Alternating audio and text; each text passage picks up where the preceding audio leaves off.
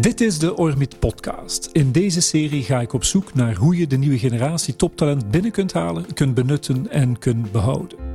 Mijn naam is Thomas de Wulf, CEO van Ormit. We zijn dagelijks bezig met het verder brengen van talenten en hun organisatie. Talentontwikkeling is onze core business. In de komende drie afleveringen staat elke keer één thema centraal. Ik spreek met mensen uit verschillende organisaties en ik ben heel erg benieuwd hoe zij hier naar kijken. Deze eerste aflevering gaat over de zoektocht naar talent. Hoe zorg je dat het toptalent van deze jongste generatie bij jou en voor jou wil komen werken? Hoewel er absoluut beperkingen zitten aan generaliseringen, begin ik toch met de typering van de generatie.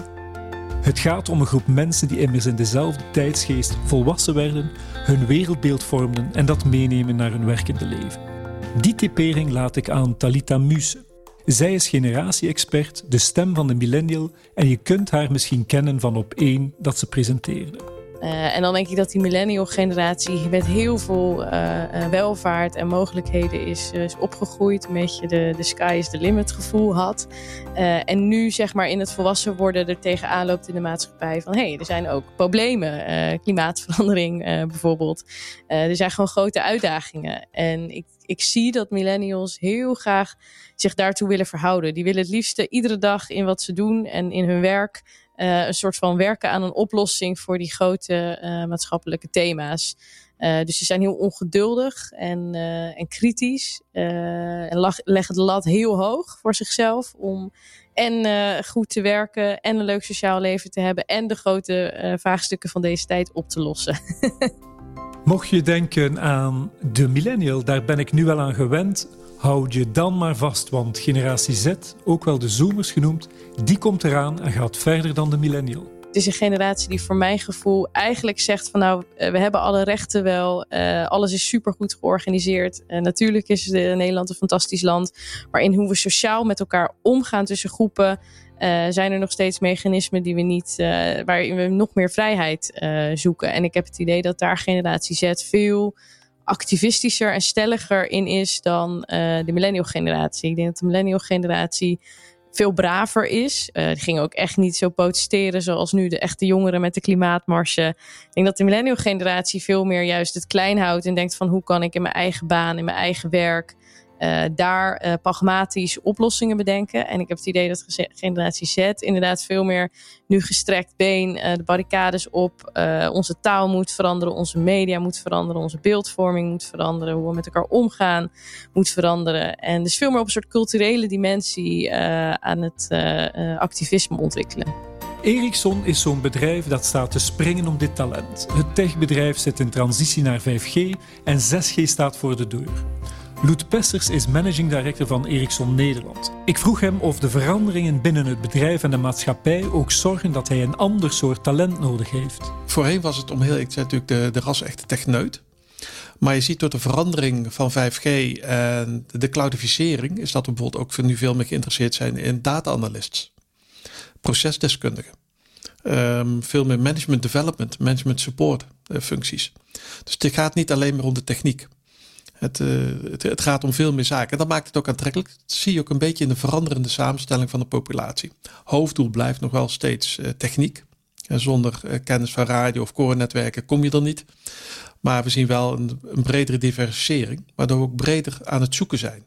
De bekende naam die Ericsson had toen ze nog mobieltjes maakten, is voor een groot deel verdwenen. Daardoor moeten ze harder aan de slag om toch onder de aandacht te komen bij het talent dat ze nodig hebben. In het verleden maakten we gewoon gebruik van het feit, uh, we verkochten in de business to computer markt, verkochten mobieltjes. Dat betekent dat, net als een Huawei of een Nokia, dat je automatisch een branding hebt in de hele maatschappij. Op het moment dat je in een business to business markt zit, heb je dat niet meer. En als ik dan kijk naar bedrijven als Accenture of IBM, die hebben toch een enorme sterke branding, ook in de consumentenmarkt, ondanks dat ze niks meer daar verkopen. Nou, dat is eigenlijk de stap die wij nu moeten gaan maken. Door nadrukkelijker aanwezig te zijn, primair op social media waarbij we de successen neerzetten. We gebruiken 5G. Uh, eh, ik weet niet of je die recente podcast hebt gezien op het gebied van onze balancing robots. Uh, die we met studenten gemaakt hebben, waarbij acht kleine robotjes gebouwd op een Arduino, maar met een 5G-emulatie laten we achter elkaar zelfstandig rijden. Nou, dat soort eenvoudige, maar hele leuke en laagdrempelige activiteiten zetten wij op social media. Om met name de young talents uh, aan te trekken. Om te laten zien van kijk, het is hier fun en het is hier leuk. En het is state of art.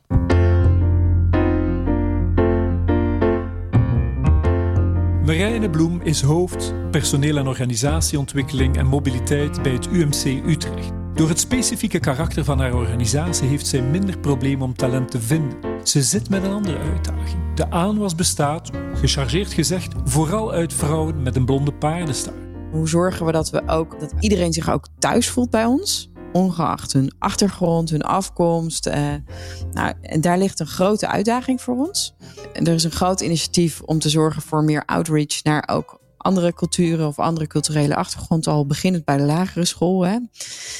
Uh, zo hebben we mooie initiatieven als het gaat over Meet the Professor, waar al onze professoren van de universiteit in toog gaan richting de lagere scholen gaan in de regio Utrecht om te laten zien wat wetenschap is en dat het ook in het bereik ligt van iedereen.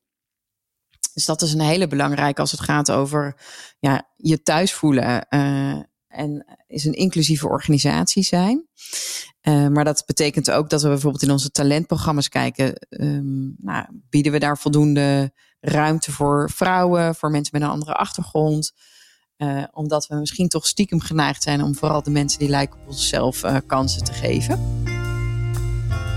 Bij een ziekenhuis als het UMC is het heel helder waar het voor staat en wat het belang is voor de samenleving. Maar dit is voor bedrijven niet meer zo zwart-wit, stelt Talita Muse. Als je uh, jongere was en je wilde eigenlijk, uh, nou, over maar iets zeggen, je wil iets doen aan armoede in Afrika, dan ging je bij een NGO werken. En als je geld wilde verdienen, dan ga je de, de private sector in.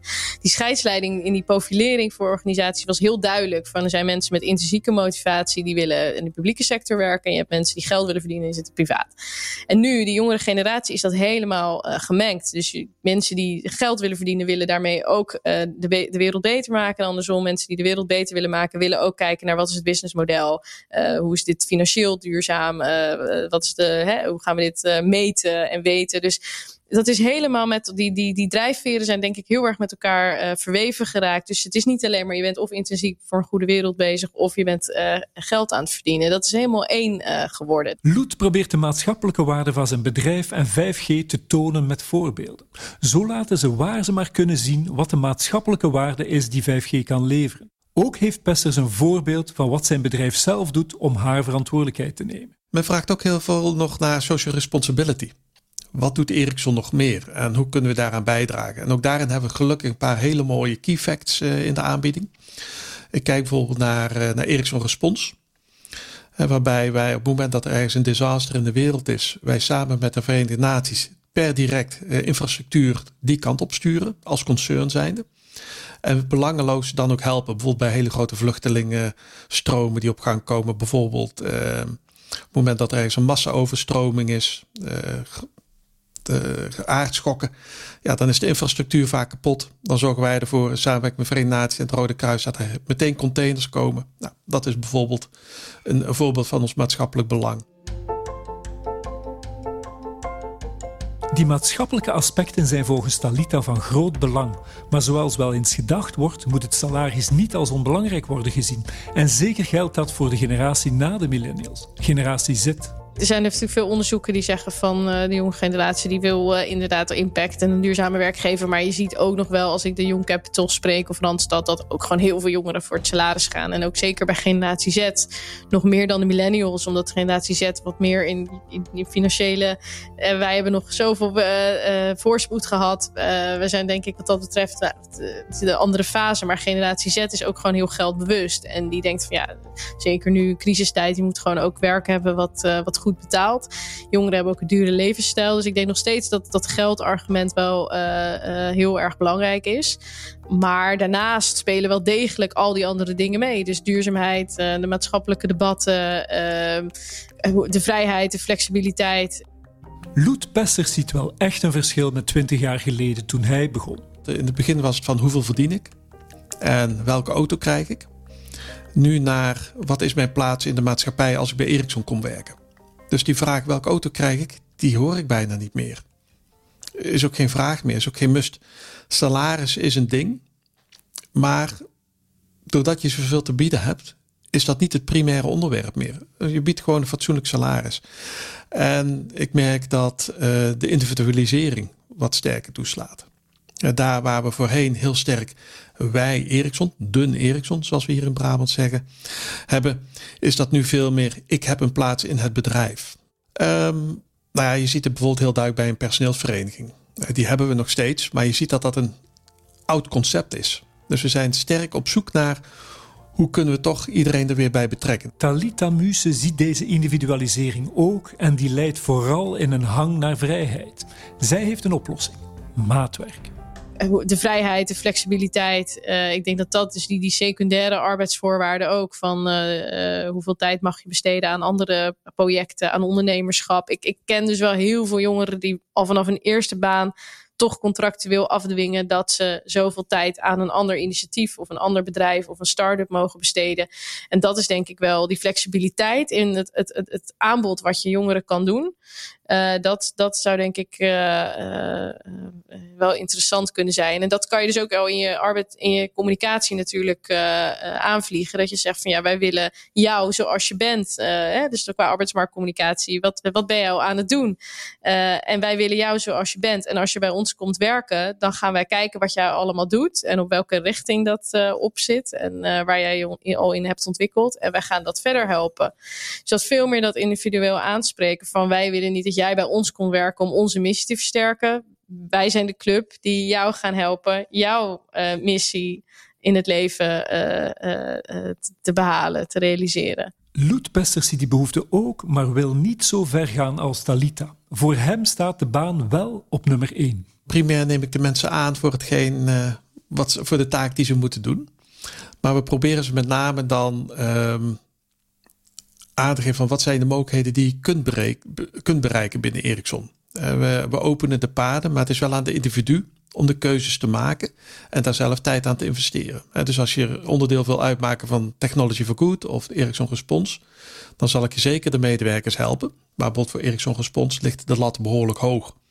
Uh, je kunt je voorstellen als jij zomaar gedropt wordt in een refugeekamp, ja, dan moet je niet verwachten dat je s'avonds uh, ergens een mooi bedje voor je ligt en dat je elke ochtend kunt douchen en scheren.